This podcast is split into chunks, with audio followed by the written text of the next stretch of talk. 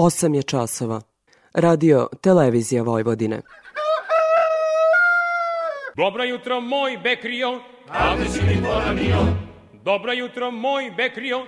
Ovde si mi poranio. Ta kako ne bi poranio kad upravo počinje emisija Radio Novog Sada. Poljoprivredno dobro. Radio magazin za poljoprivredu i selo. Pred mikrofonom je Đorđe Simović.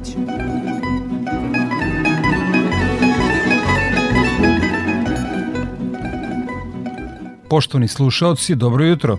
Otpočela je žetva ječma, a uskoro će i pšenice. Ratara u Bačkom gradištu Milana Zarića brine prva ponuđena cena novog roda. U ovoj emisiji prinos je solidan, ali cenu nam e, nude nekih 15 dinara, što ne pokriva i sa tim pristojnim solidnim rodom ne pokriva ni ono koliko smo uložili, a znači nema, nema priče o tome da ćemo imati neki profit. S obzirom da smo jesenas e, i za ječam i za setvu pšenice ulagali maksimalnu agrotehniku đubrenja, proletos dva prehranjivanja, tri prskanja od biljnih bolesti kojih je bilo ovog proleća jako, nikad tako mnogo i sa ovom cenom koja nam se nudi i nadamo se, nažalost, bit ćemo na pozitivnoj nuli ili čak možda ispod pozitivne nule. Kao gotovo nikad do ove sezone u javnosti je govoreno o bolestima pšenice – Neki mediji su tome prvi put prozborili kraje maja kada je već bilo kasno za hemijske tretmane, a neki su počeli na vreme kao Radio Novi Sad neposredno nakon nicanja. Osnovni kapital novinara su dobri kontakti, a u poljoprivrednom dobru su Milena Marčić i njeni saradnici iz prognozno izveštene službe u zaštiti bilja o tome govorili od početka vegetacije pšenice. U ovoj emisiji 16. oktobra smo već prvi put upozorili na prisustvo štetnih organizama u usevima pšenice i ječma i to upravo u vašoj najstarijoj agrarnoj emisiji Poljoprivredno dobro. Tada smo dali prvi izveštaj i prvu preporuku o suzbijanju biljnih vaši i cikada kao vektora virusa i od tog momenta pa svake naredne nedelje izveštavali smo o prisustvu ka, kako simptoma bolesti, tako isto i štetočina. Takođe, mnogo smo razgovarali o uslovima koji su obeležili čitavu zimu, a to su temperature iznad proseka i padavine iznad proseka, što je sve bilo vrlo povoljno za razvoj prouzrokovača bolesti. Tako smo već u martu informisali naše proizvođače o potrebi sprovođenja mera zaštite, o prvom fungicidnom tretmanu, informisali smo ih o prisustvu simptoma e, lisne rđe i žute lisne rđe koje su izrazito destruktivni i opasni e, patogeni i naravno onda smo u svakom narednom izveštavanju govorili o tome koji su sve patogeni prisutni, da li treba i kada treba ponoviti zaštitu. Dakle, u drugoj dekadi aprila i u prvoj dekadi maja kada je počelo cvetanje strnih žita. Privodi se kraju berba trešanja. Dimitrije Pejak i Silbaša sumira finansijske rezultate ovogodišnje sezone. U ovoj emisiji. Pa postizali smo od 230 do 300 dinara A, najveći deo smo prodali kod kuće, dolazili su kupci, nakupci koji su to dalje nosili na tezge, preprodavali, a nešto smo mi nosili na tezge u Novi Sad e, i u Bačku Palanku i u Bački Petrovac, tako da je to, nije bilo problem sa plasmanom. Problem je već je bio berba, odnosno broj radnika i selektovanje, pakovanje, prebiranje, odbacivanje defektnih plodova. Tu je više vremena zahteva nego sama berba. Vino Grašac Beli 2020. vinarije Vinčić u Šidu ponelo je titulu Best in Show na ocenjivanju Dekanter u Londonu. Našavši se tako među devet najboljih belih vina na tom najvažnijem svetskom ocenjivanju. Još jedan veliki uspeh srpskog vinarstva. Čestitamo uz narakord i pesmu I mi smo sremci.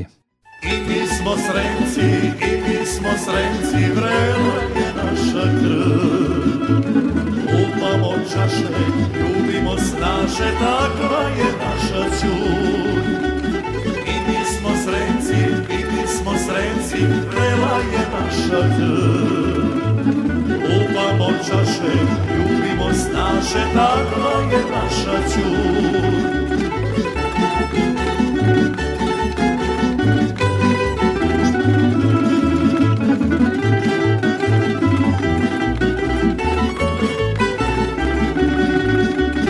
otac me kume otac me kune, a majka me kore. Sine, lupovo do.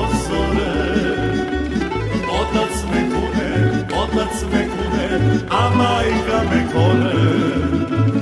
Opet si sine, opet si sine, lupovo do.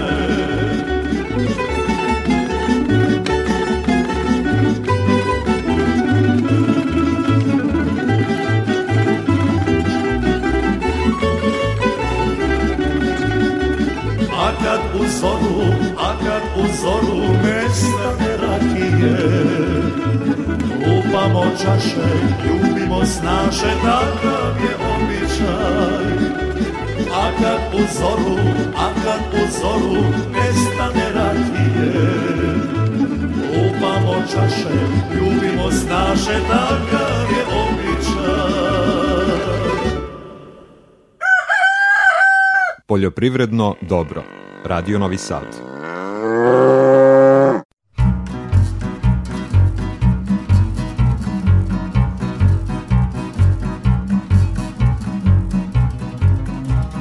U nastavku poljoprivrednog dobra Ljiljana Đingalašević iz Hidrometeorološkog zavoda Srbije obavestit će nas kakvo nam vreme prestoji u narednim danima.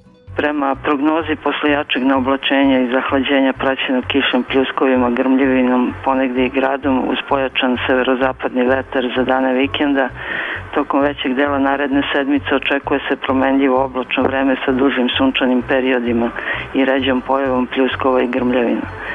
Maksimalne dnevne temperature će se uglavnom kretati od 25 do 30 stepeni. Početkom jula temperatura će biti u porastu. O aktuelnoj zaštiti bilja obavestit će nas Boško Jezerkić iz prognozno izveštene službe. Naročitu pažnju bi trebalo da obrate vinogradari. Trenutno se pregledima vinograda registruje prisustvo larvi trećeg razvojnog stupnja cikade Scaphoideus titanus na naliču listova vinove loze. Direktne štete od ove cikade su zanemarljive, čak i pri veoma visokim brunostima, ali su mnogo značajnije štete koje se ogledaju u činjenici da je ova cikada prenosilac fitoplazmi flences dore koja prouzlokuje zlatasto žutilo vinove loze. Ovo je veoma destruktivno oboljenje vinove loze koje je dovelo do krčenja velikog broja zasada u našoj zemlji. Cikada Scaphoideus titanus u našim uslovima razvija jednu generaciju godišnje. Svi larveni uzrasti, odrast i odrasle jedinke hrane se na naliču listu vinove loze i veoma su pokretni. Da bi cikada mogla da prenese fitoplazmu, neophodno je da se hrani oko nedelju dana, dok period inkubacije traje oko 20 dana. Zbog toga tek larve trećeg razvojnog stupnja su sposobne da prenesu fitoplazmu na zdrave čokote vinove loze. S obzirom da se tokom ove nedelje očekuje dominantno prisustvo larvi trećeg stupnja razvoja cikade Scaphoideus titanus u vinogradima, sa ciljem njihovog suzbijanja i sprečavanja prenošenja fitoplazme preporučuju se hemijske mere zaštite primjenom insekticida. Posebnu pažnju treba da obrate proizvođači vinograda malih površina na vikendicama i okućnicama, jer su oni, usled red, neredovnog sprovođenja hemijskih mera zaštite, izvori za dalje širenje zaraze. Uslovi u kojima se odvija proizvodnja pogoduju razvoju grinja. Od poljoprivrednih useva grinje se redovno sreću na paradajzu, paprici, krastacima, lubenicama, tikvicama, soji, kukuruzu, jabukama, breskama i mnogim drugim gajnim kulturama. Usevima soje se na uvratinama pojedinih parcela registruje prisutu grinja na naliču listova. Sada pažljivo treba pregledati rubne delove parcela gde se grinje najpre naseljavaju. Ovo je period kada po potrebi prisustva grinja treba sprovesti hemijske mere zaštite registrovanim akarecidima i to po obodnim delovima useva soje i ne dozvoliti njihovu migraciju unutrašnjost parcele. S obzirom da vremenski uslovi u kojima se trenutno odvija proizvodnja i koji su pred nama veoma povoljni za razvoj grinja, Usevi zasade treba redovno obilaziti i pregledati ih na prisustvo ovih štetočina. Ukoliko se registruje njihovo prisustvo, potrebno je sprovesti mere zaštite nekim od registrovanih akaricida. Pregledom useva paprike, paradajza i drugog povrća utvrđeno je prisustvo listnih vaši i tripsa. Pored direktnih šteta koje prouzrokuju sisanje biljnih sokova, ove štetočine su vektori velikog broja veoma destruktivnih biljnih virusa. Preporučuje se konstantni pregledi useva i po potrebi prisustvo ovih štetočina primjena hemijskih mera zaštite nekim od registrovanih insekticida. Sve aktualne informacije zaštite bilja možete pogledati na portalu prognoze izveštene službe za zaštitu bilja, odakle se javlja Boško Jezerkić. Slušamo šajku i pesmu Beogradski mali pijac.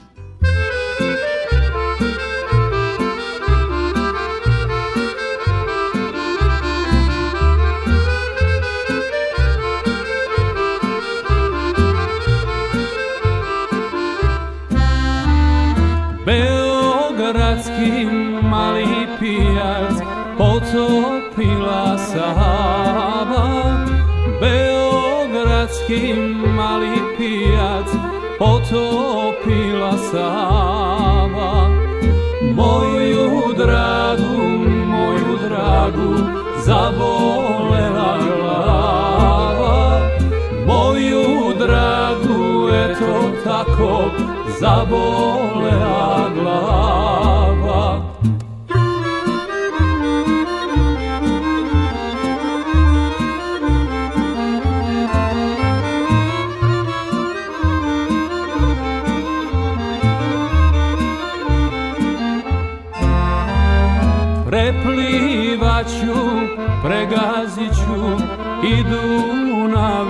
Savu Preplivaću, pregaziću i Dunav i Savu Da pronađem, da pronađem lekovitu travu Da pronađem, eto tako, lekovitu travu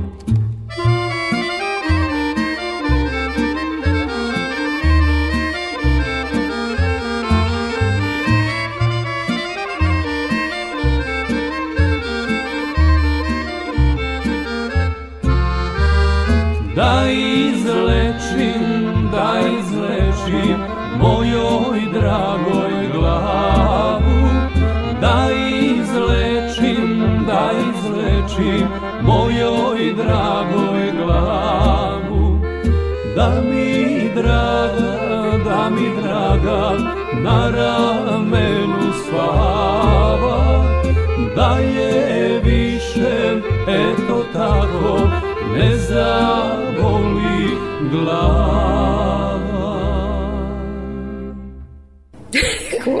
u tremu. Nemojte, nemojte, opuštajte. Poljoprivredno dobro opušta.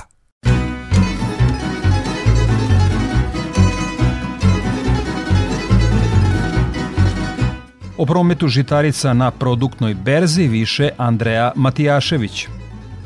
U nedelji za nama na robnom berzinskom tržištu beležimo rast cena kada su u pitanju svi primarni poljoprivredni proizvodi, ali i rast ukupnog obima prometa u odnosu na prethodnu nedelju. Porast cena na svetskim tržištima uzrokovan sušom u regionima proizvodnje, ali i upitnim produžetkom važenja sporazuma o transportu žitarica crnomorskim koridorom uticao i na naše tržište. Dominantna kultura u trgovanju ove nedelje bio je stočni ječam novog roda 2023. godine koji je u ukupnom prometu učestvovao sa čak 57% udela. Na tržištu kukuruza tokom čitave nedelje beležemo slabu aktivnost, kako na strani ponude, tako i na strani tražnje. Tokom cele nedelje ponuda je bila slaba i prodavci su kukuruz nudili u manjim količinama. Početkom nedelje iskazana je i tražnja za vlažnijim kukuruzom, ali je ponuda izostala. Kukuruzom se u toku nedelje trgovalo u cenovnom rasponu od 19,20 do 20 dinara po kilogramu bez PDV u zavisnosti od analize na aflatoksin. Ponder cena ove nedelje iznosila je 19,81 dinar po kilogramu bez PDV, odnosno 21,78 dinara po kilogramu sa PDV-om, čime se nastavio cenovni rast kukuruza od 7,52% u odnosu na proteklu nedelju. U ukupnom obimu prometa kukuruzu uzima drugo mesto sa 21% učešća. Trgovalo se takođe kukuruzom rod 2021. godine sa analizom na flotoksin do 20 ppb-a po ceni od 20 dinara po kilogramu bez PDV-a. Slaba prošlonedeljna aktivnost na tržištu pšenice nastavila se i ove sedmice. Prvog dana u nedelji ponuda i tražnja bile su na istom cenovnom nivou, ali zbog razlike u paritetima ponuđene i potraživane robe nije došlo do zaključenja berzanskih ugovora. Od drugog dana nedelje beležimo blago povećanje aktivnosti na tržištu, pa je tako došlo i do zaključenja berzanskih ugovora za pšenicu u cenovnom rasponu od 22 do 22,50 dinara po kilogramu bez PDV-a u zavisnosti od parametara kvaliteta i pariteta. Ponder cena iznosila je 22,03 dinara po kilogramu bez PDV-a, odnosno 24,23 dinara po kilogramu sa PDV-om, što predstavlja blagi cenovni rast od 0,37%. U ukupnom obimu trgovanja pšenica je učestvovala sa 16%. Trgovalo se takođe i pšenicom na paritetu CPT kupac po ceni od 22 dinara po kilogramu bez PDV-a. Tokom čitave nedelje ponuda sojinog zrna je bila slaba ili je čak izostajala, što je doprinalo smanjenju aktivnosti na tržištu soje i otežavanju zaključenja berzanskih ugovora. Sojom se trgovalo u manjim količinama na cenovnom nivou od 53 dinara po kilogramu bez PDV uz obračun kvaliteta, odnosno 58,30 dinara po kilogramu sa PDV-om, što ujedno predstavlja i ponder cenu. U odnosu na prethodnu nedelju beleži se uzlazni trend cene od 4,95%. Usled žetve novog roda stočnog ječma beležimo najviše aktivnosti upravo na ovom tržištu, budući da stočni ječam rod 2023. godine čini više od polovine ukupnog ovanedeljnog obima prometa. Stočni ječam sa hektolitrom manjim od 62 prometovan je u cenovnom rasponu od 15,70 do 16,30 dinara po kilogramu bez PDV-a. Trgovalo se takođe i stočnim ječmom sa hektolitrom manjim od 62 na paritetu CPT kupac po ceni od 16,60 dinara po kilogramu bez PDV-a. Berzanski ugovor za novi rod uljene repice zaključen je po ceni od 40 dinara po kilogramu bez PDV-a. Od ostalih robe trgovalo se još i sojinom sačmom sa 44% proteina po ceni od 56 dinara po kilogramu bez PDV-a. Sa produktne berze Andreja Matijašević.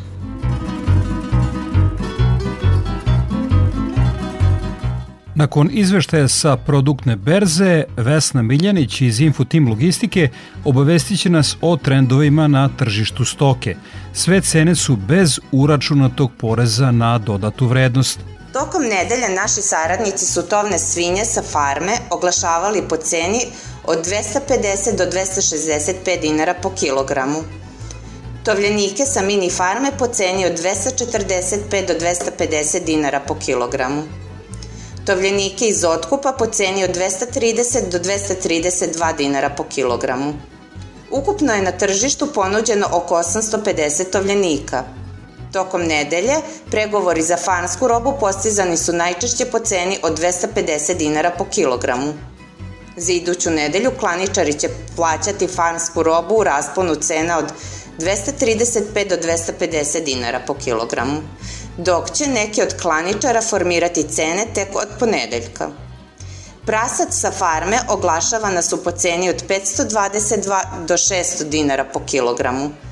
Prasac sa mini farme po ceni od 370 do 462 dinara po kilogramu.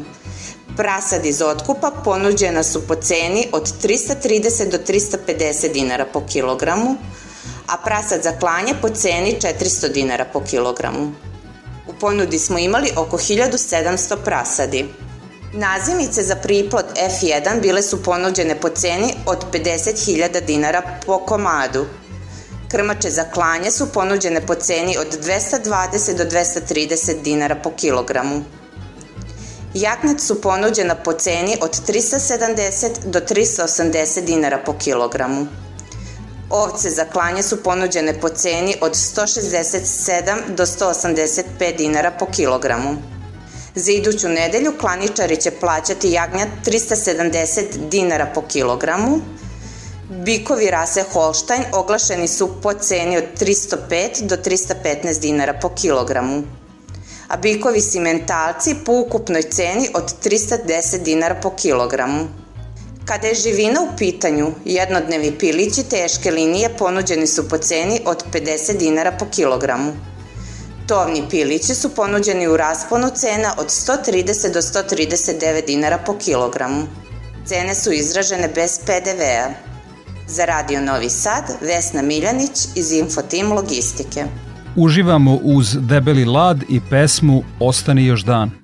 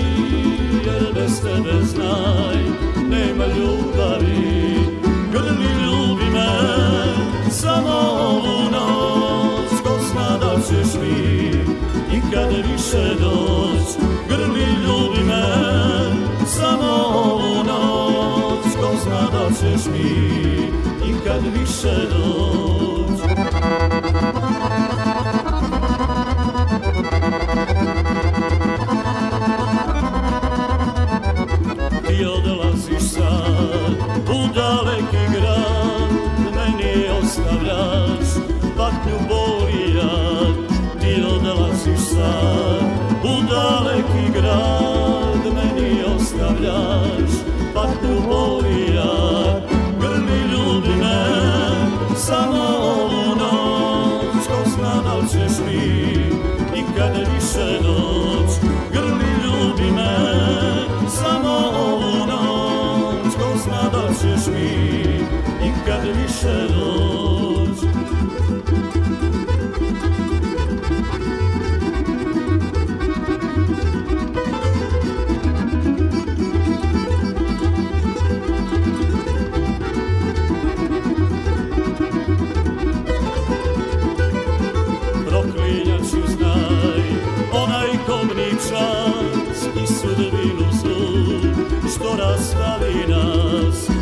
proklinjat ću znaj onaj kobni čas i sudbinu zlu što rastavi nas grli ljubi me samo ovu noć ko zna da ćeš mi ikad više doć grli ljubi me samo ovu noć ko zna da ćeš mi ikad više doć Ovako da se saberem, u spavaćoj sobi u 5 sati budi me radio Novi Sad s lepom vojvođanskom muzikom, onda u kuhinji slušam obično kad e, ručamo ili ne- nekom drugom prilikom, u radionici ako nešto radim, tu je radio Novi Sad, a u štali tamo to je obavezno, tamo najviše slušam radio Novi Sad. Poljoprivredno dobro. Radio Novi Sad. Ja stanicu ne menjam.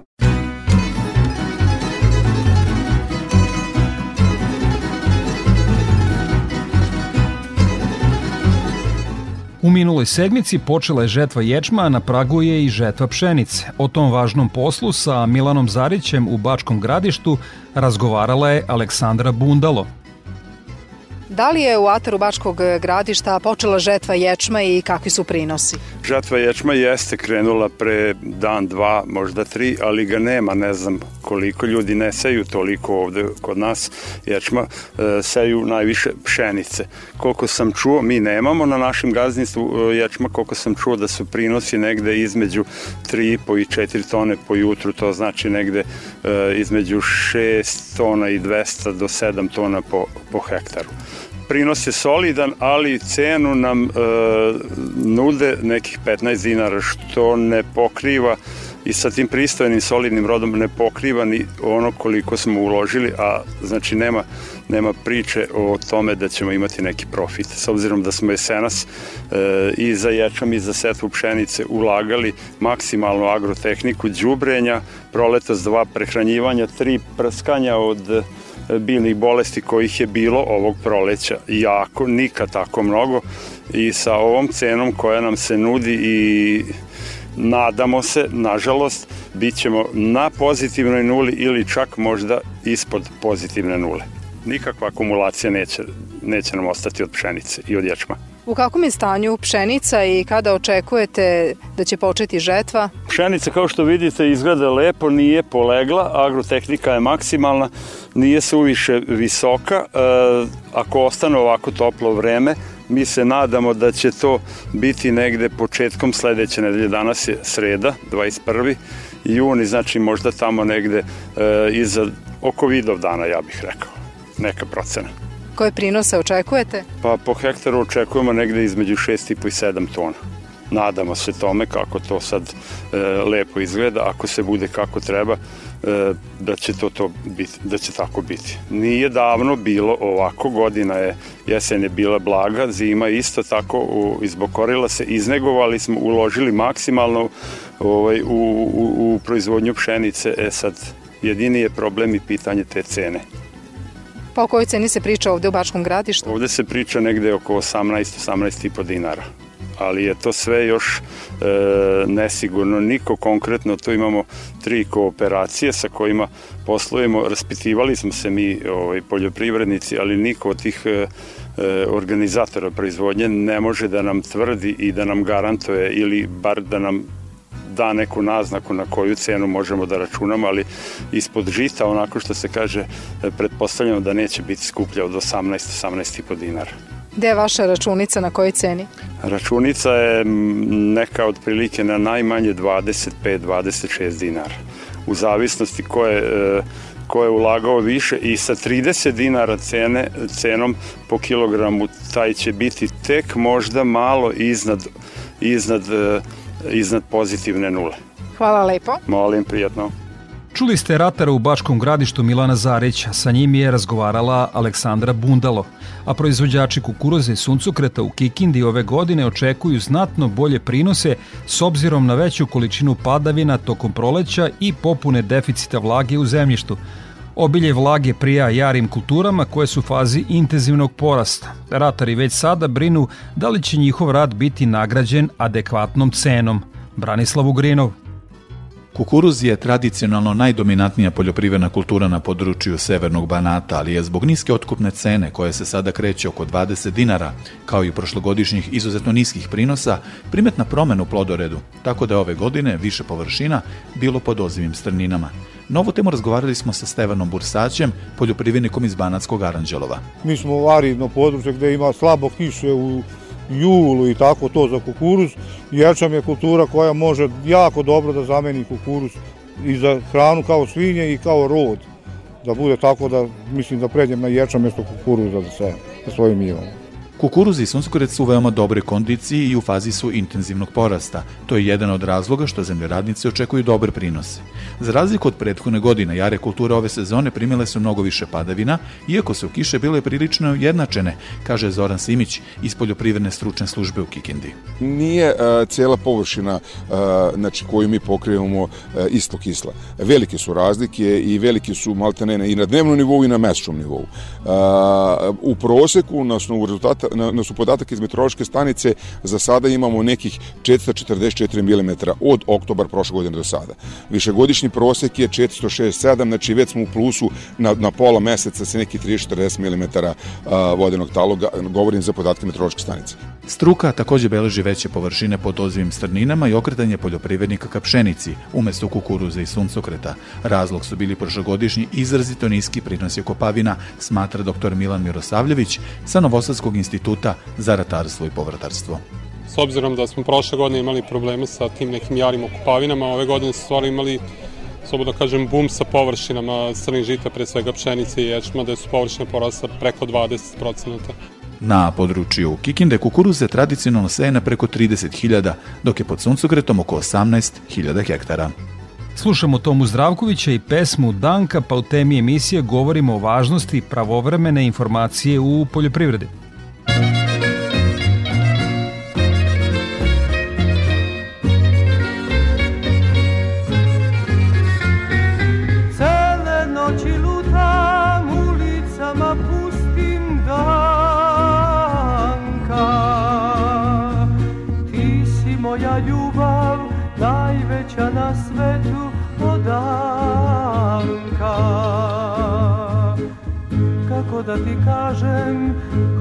Te volim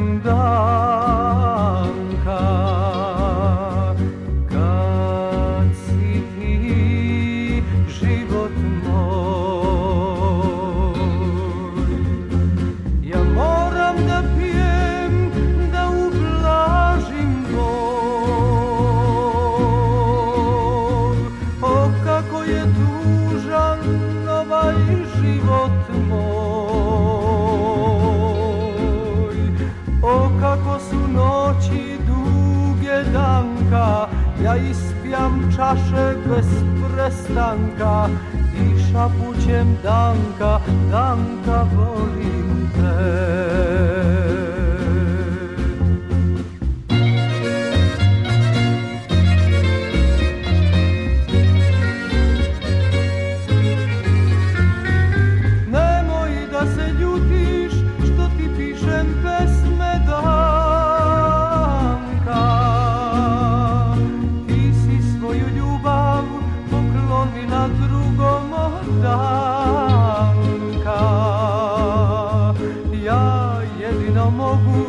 da pevam o tebi danka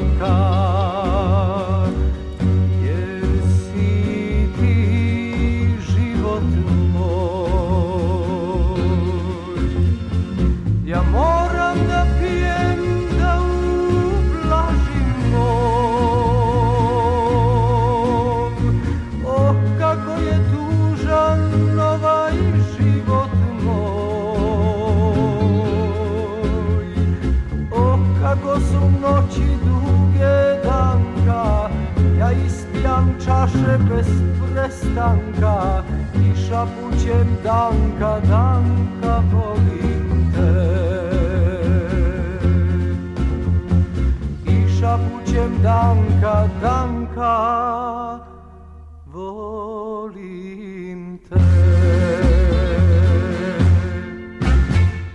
Tema emisije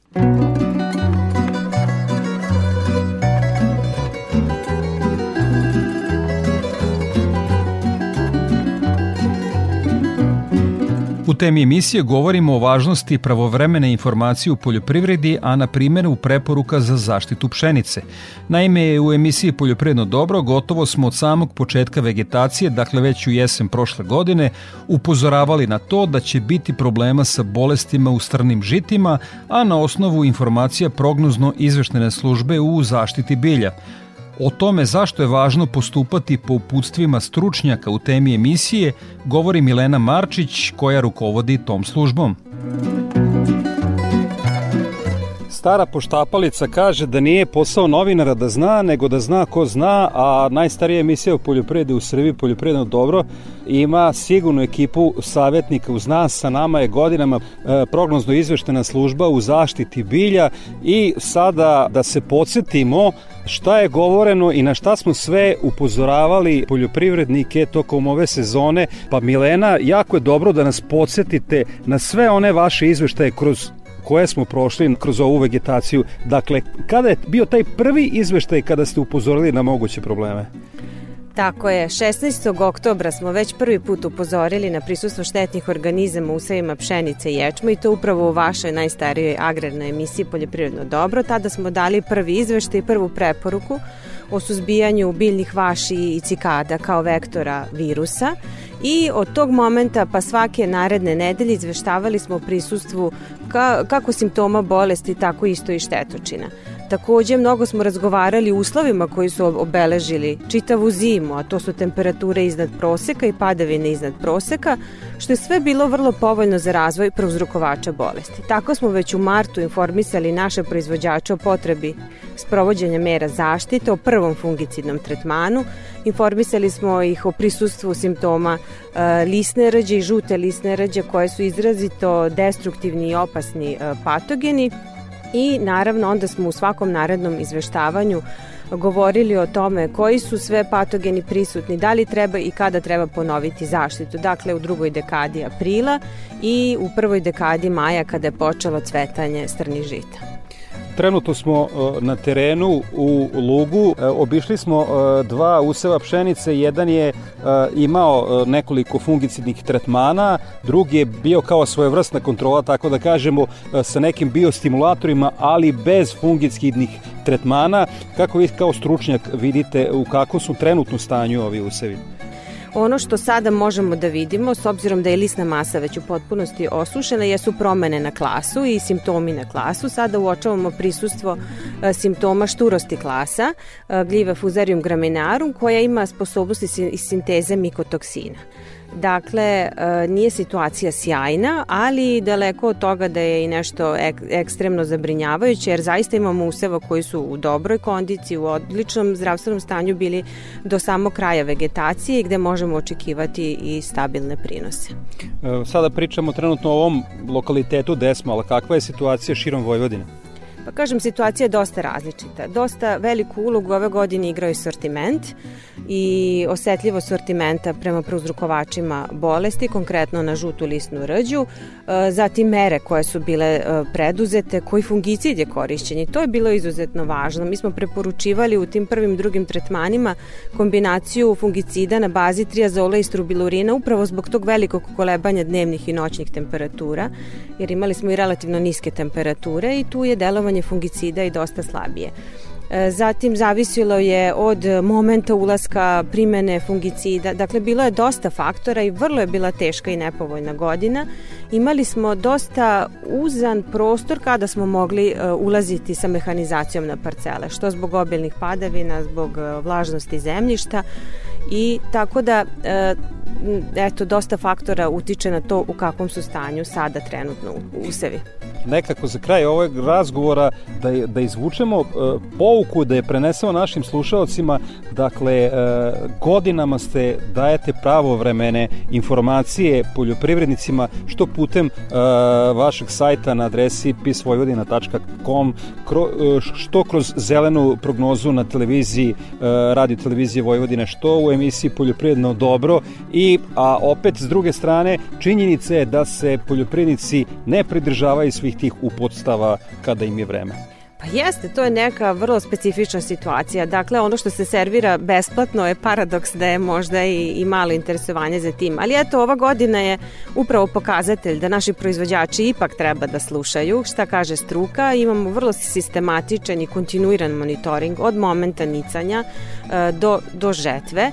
Mi smo se, eto, ove godine u poljoprivrednom dobru 21 put oglasili o stanju e, usevima pšenice i ječma i o potrebi sprovođenja mera zaštite. Dakle, svi koji su slušali ovu emisiju, ja se nadam da su primenili mere kada smo rekli da mogu biti bezbrižni sada e, pre skidanja samih useva, a takođe apelujem na proizvođače da se i prijave na besplatne SMS poruke. Takođe smo poslali tri SMS i Viber preporuke u ključnim momentima. E, izvestili smo 11 puta u emisiji Zelena prognoza, baš kako ste i rekli, na radio televiziji Vojvodine. Napisali smo 168 izveštaja o zdravstvenom stanju pšenice na našem portalu i 128 preporuka. Dakle, zaista smo se maksimalno potrudili da naši proizvođači dođu u posed svih informacija i da na kraju odluka je bila njihova. Dakle, jedan deo, uh, jedan deo odgovornosti, ne jedan deo, možda i najveći deo odgovornosti je na samim proizvođačima. Oni treba da se interesuju. Sad smo rekli, znači www.pisvojvodina.com informacije iz oblasti zaštite bilja izlaze na časovnom nivou. Znači na časovnom nivou i to je 40 biljnih kultura, 200 štetnih organizama od ekonomskog značaja. Dakle, sve je tu, sve na dohvat ruke, samo treba potražiti i eto imati nekoliko minuta dnevno da pogledamo šta je aktualno. Uvek na usluzi poljoprivrednicima Milena Marčić, prognozno izveštena služba u zaštiti bilja. Hvala vam puno na odvojenom vremenu za naš program. Hvala i vama i pozdrav svim slušalcima emisije Poljoprivredno dobro. Toliko u temi emisije slušamo Skadarliju i pesmu Aj kolika je Jahorina planina. Aman,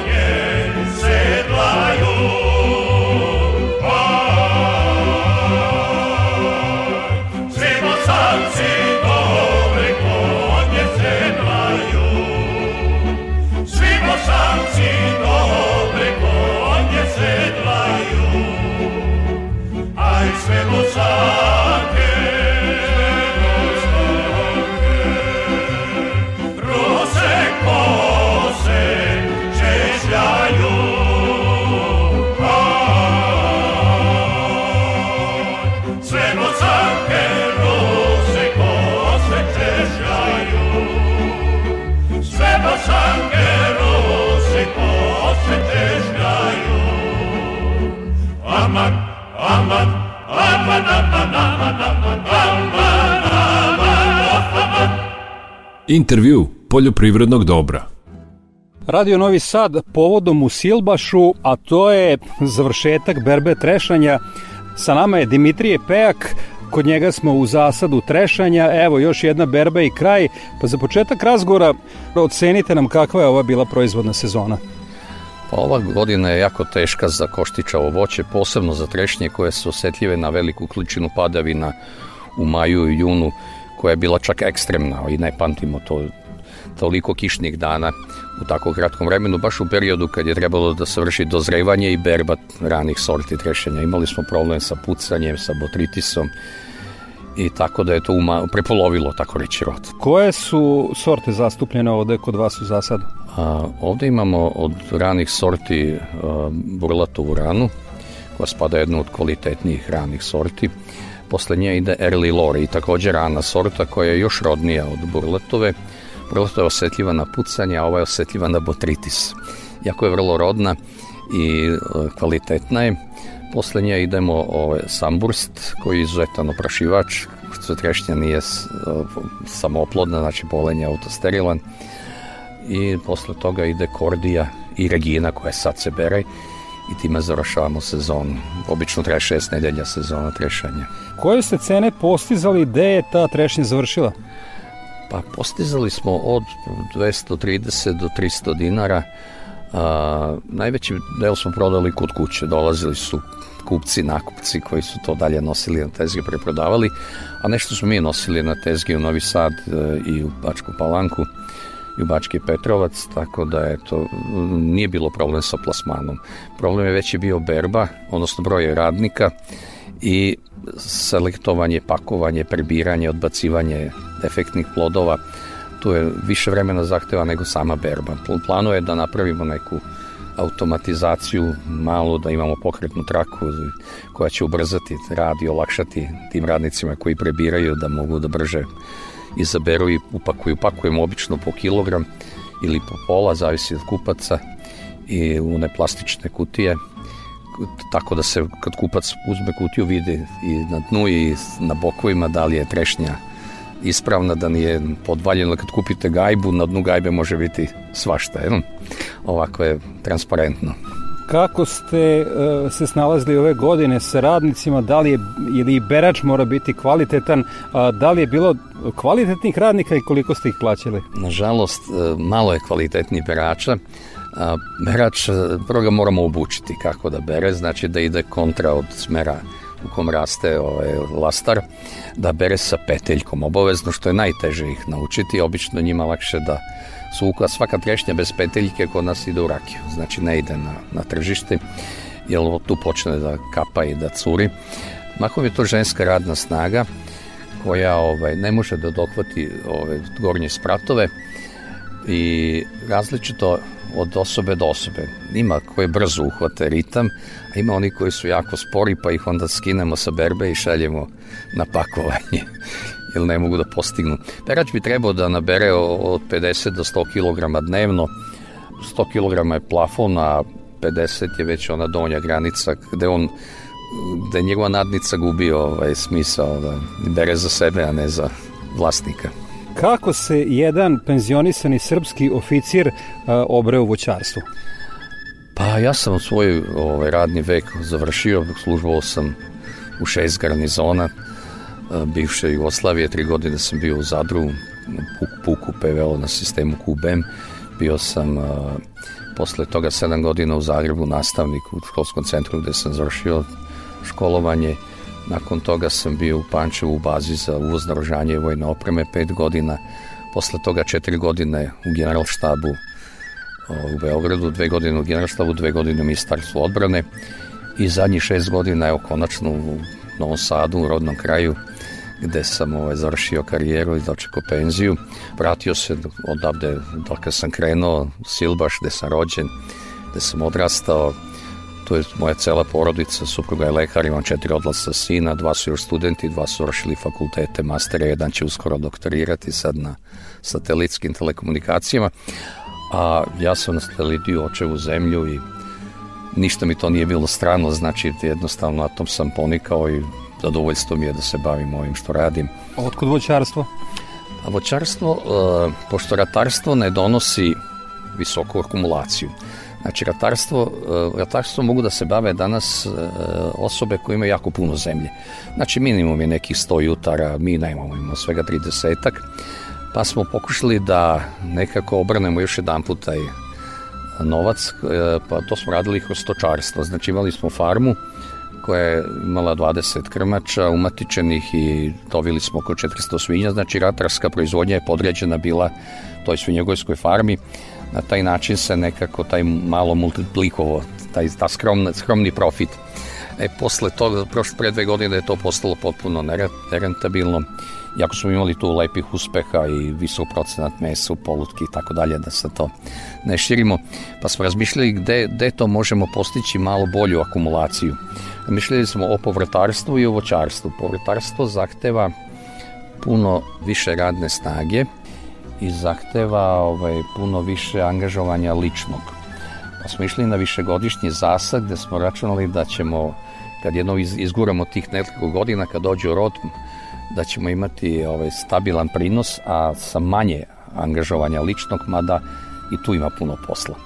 Znači, automatizovali smo navodnjavanje, fertigaciju kroz sistem kap o kap, antifrost zaštitu. Pre toga smo radili sa balama mokre slame i to je bilo vrlo mukotrpno kad dođu mrazevi. Ovo je velika olakšica, ali se mora biti na dežurstvu svaki put pre ponoći kad preti mraz spašavati voćke i zaštita uh, hemijska je važna pravovremena. Znači trešnje zahteva puno hemije kao jabuka recimo 4, 5, 6 prskanja, ali kvalitetnim sredstvima i u pravo vreme, naravno uz poštovanje karence, da ne bismo jeli hemiju, nego voćku zdravu i ispravnu. I za kraj razgovora pitanje da pomognete našim slušalcima, konkretno kada je o trešnji reč, na, na šta da ljude koji slušaju ovo, a nameravaju da podigu zasak trešanja, gde ste vi grešili i da oni naprave te greške? Pa kod zasnivanja ovakve vrste zasada, znači birati e, podlogu koja omogućava e, manju bujnost trešnje, pošto je trešnja u magrivi na koltu jako bujna i zahteva merdevine kod branja. Znači birati podlogu Gizelu 5, eventualno Gizelu 6 koja je nešto bujnija. E, ta podloga omogućava gustu sadnju, znači trešnja može biti jedna od druge metar i po, čak metar može biti, ali zahteva onda oštriju rezidbu i obavezno navodnjavanje kap po kap, jer ta količina o, o, stabala ne može da se prirodni putem zadovolji potrebe vode. Birati pažljivo sortiment, e, izabrati oprašivače i njih rasporediti pravilno po voćnjaku da bi e, polinatori, pčele i bumbari mogli da prenesu polen, pošto trešnja, kažem, većina sorti auto sterilan polen. I birati sortiment tako da idete ili na masovnu proizvodnju jedne dve sorte i da udarnički to oberete kad dođe sezona, ali morate imati tada hladnjaču koja će to prihvatiti ili rasporediti sorte u tih 5-6 nedelja berbe, pa onda možete i sa manjim brojem radnika i brzo ih prodati. Mada i tu bi hladnjača dobro došla, jer trešnje voli da se ohladi. Za Radio Novi Sad e, je govorio e, Dimitrije Pejak, bili smo kod njega u zasadu Trešnje u e, Silbašu. Hvala vam puno na odvojenom vremenu za naš program. Hvala i vama što ste došli i što ste nas posetili doćete nam opet. A dođete u sredini berbe kad je onda interesantnije i kad možete konzumirati i probati veći broj sorti.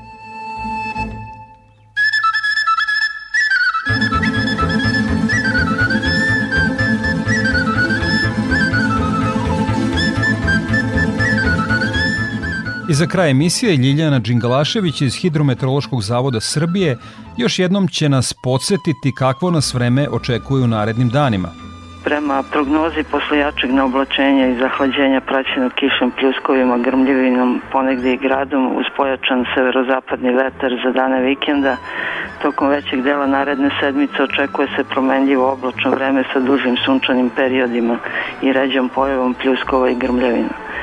Maksimalne dnevne temperature će se uglavnom kretati od 25 do 30 stepeni. Početkom jula temperatura će biti u porastu. Toliko poštovni slušaoci u ovom izdanju Poljoprivrednog dobra radio magazina za poljoprivredu i selo javne medijske ustanove Vojvodine. Naredni susret zakazujem za sedam dana uz podsjećanje da ovu kao i prethodne emisije možete da poslušate i odloženo na portalu Radio Televizije Vojvodine na adresi rtv.rs u sekciji Odloženo slušanje, kao i na zvaničnoj Facebook grupi Poljoprivredno dobro gde možete da ostavite svoje sugestije. Možete nam pisati na našu elektronsku adresu dobro.rtv.rs. Ja sam Đorđe Simović i pozivam vas da ostanete uz Radio Novi Sad. Vašoj pažnji preporučujem ekološki magazin pod staklenim zvonom koji je na programu na Konvestiju 9. Svako dobro!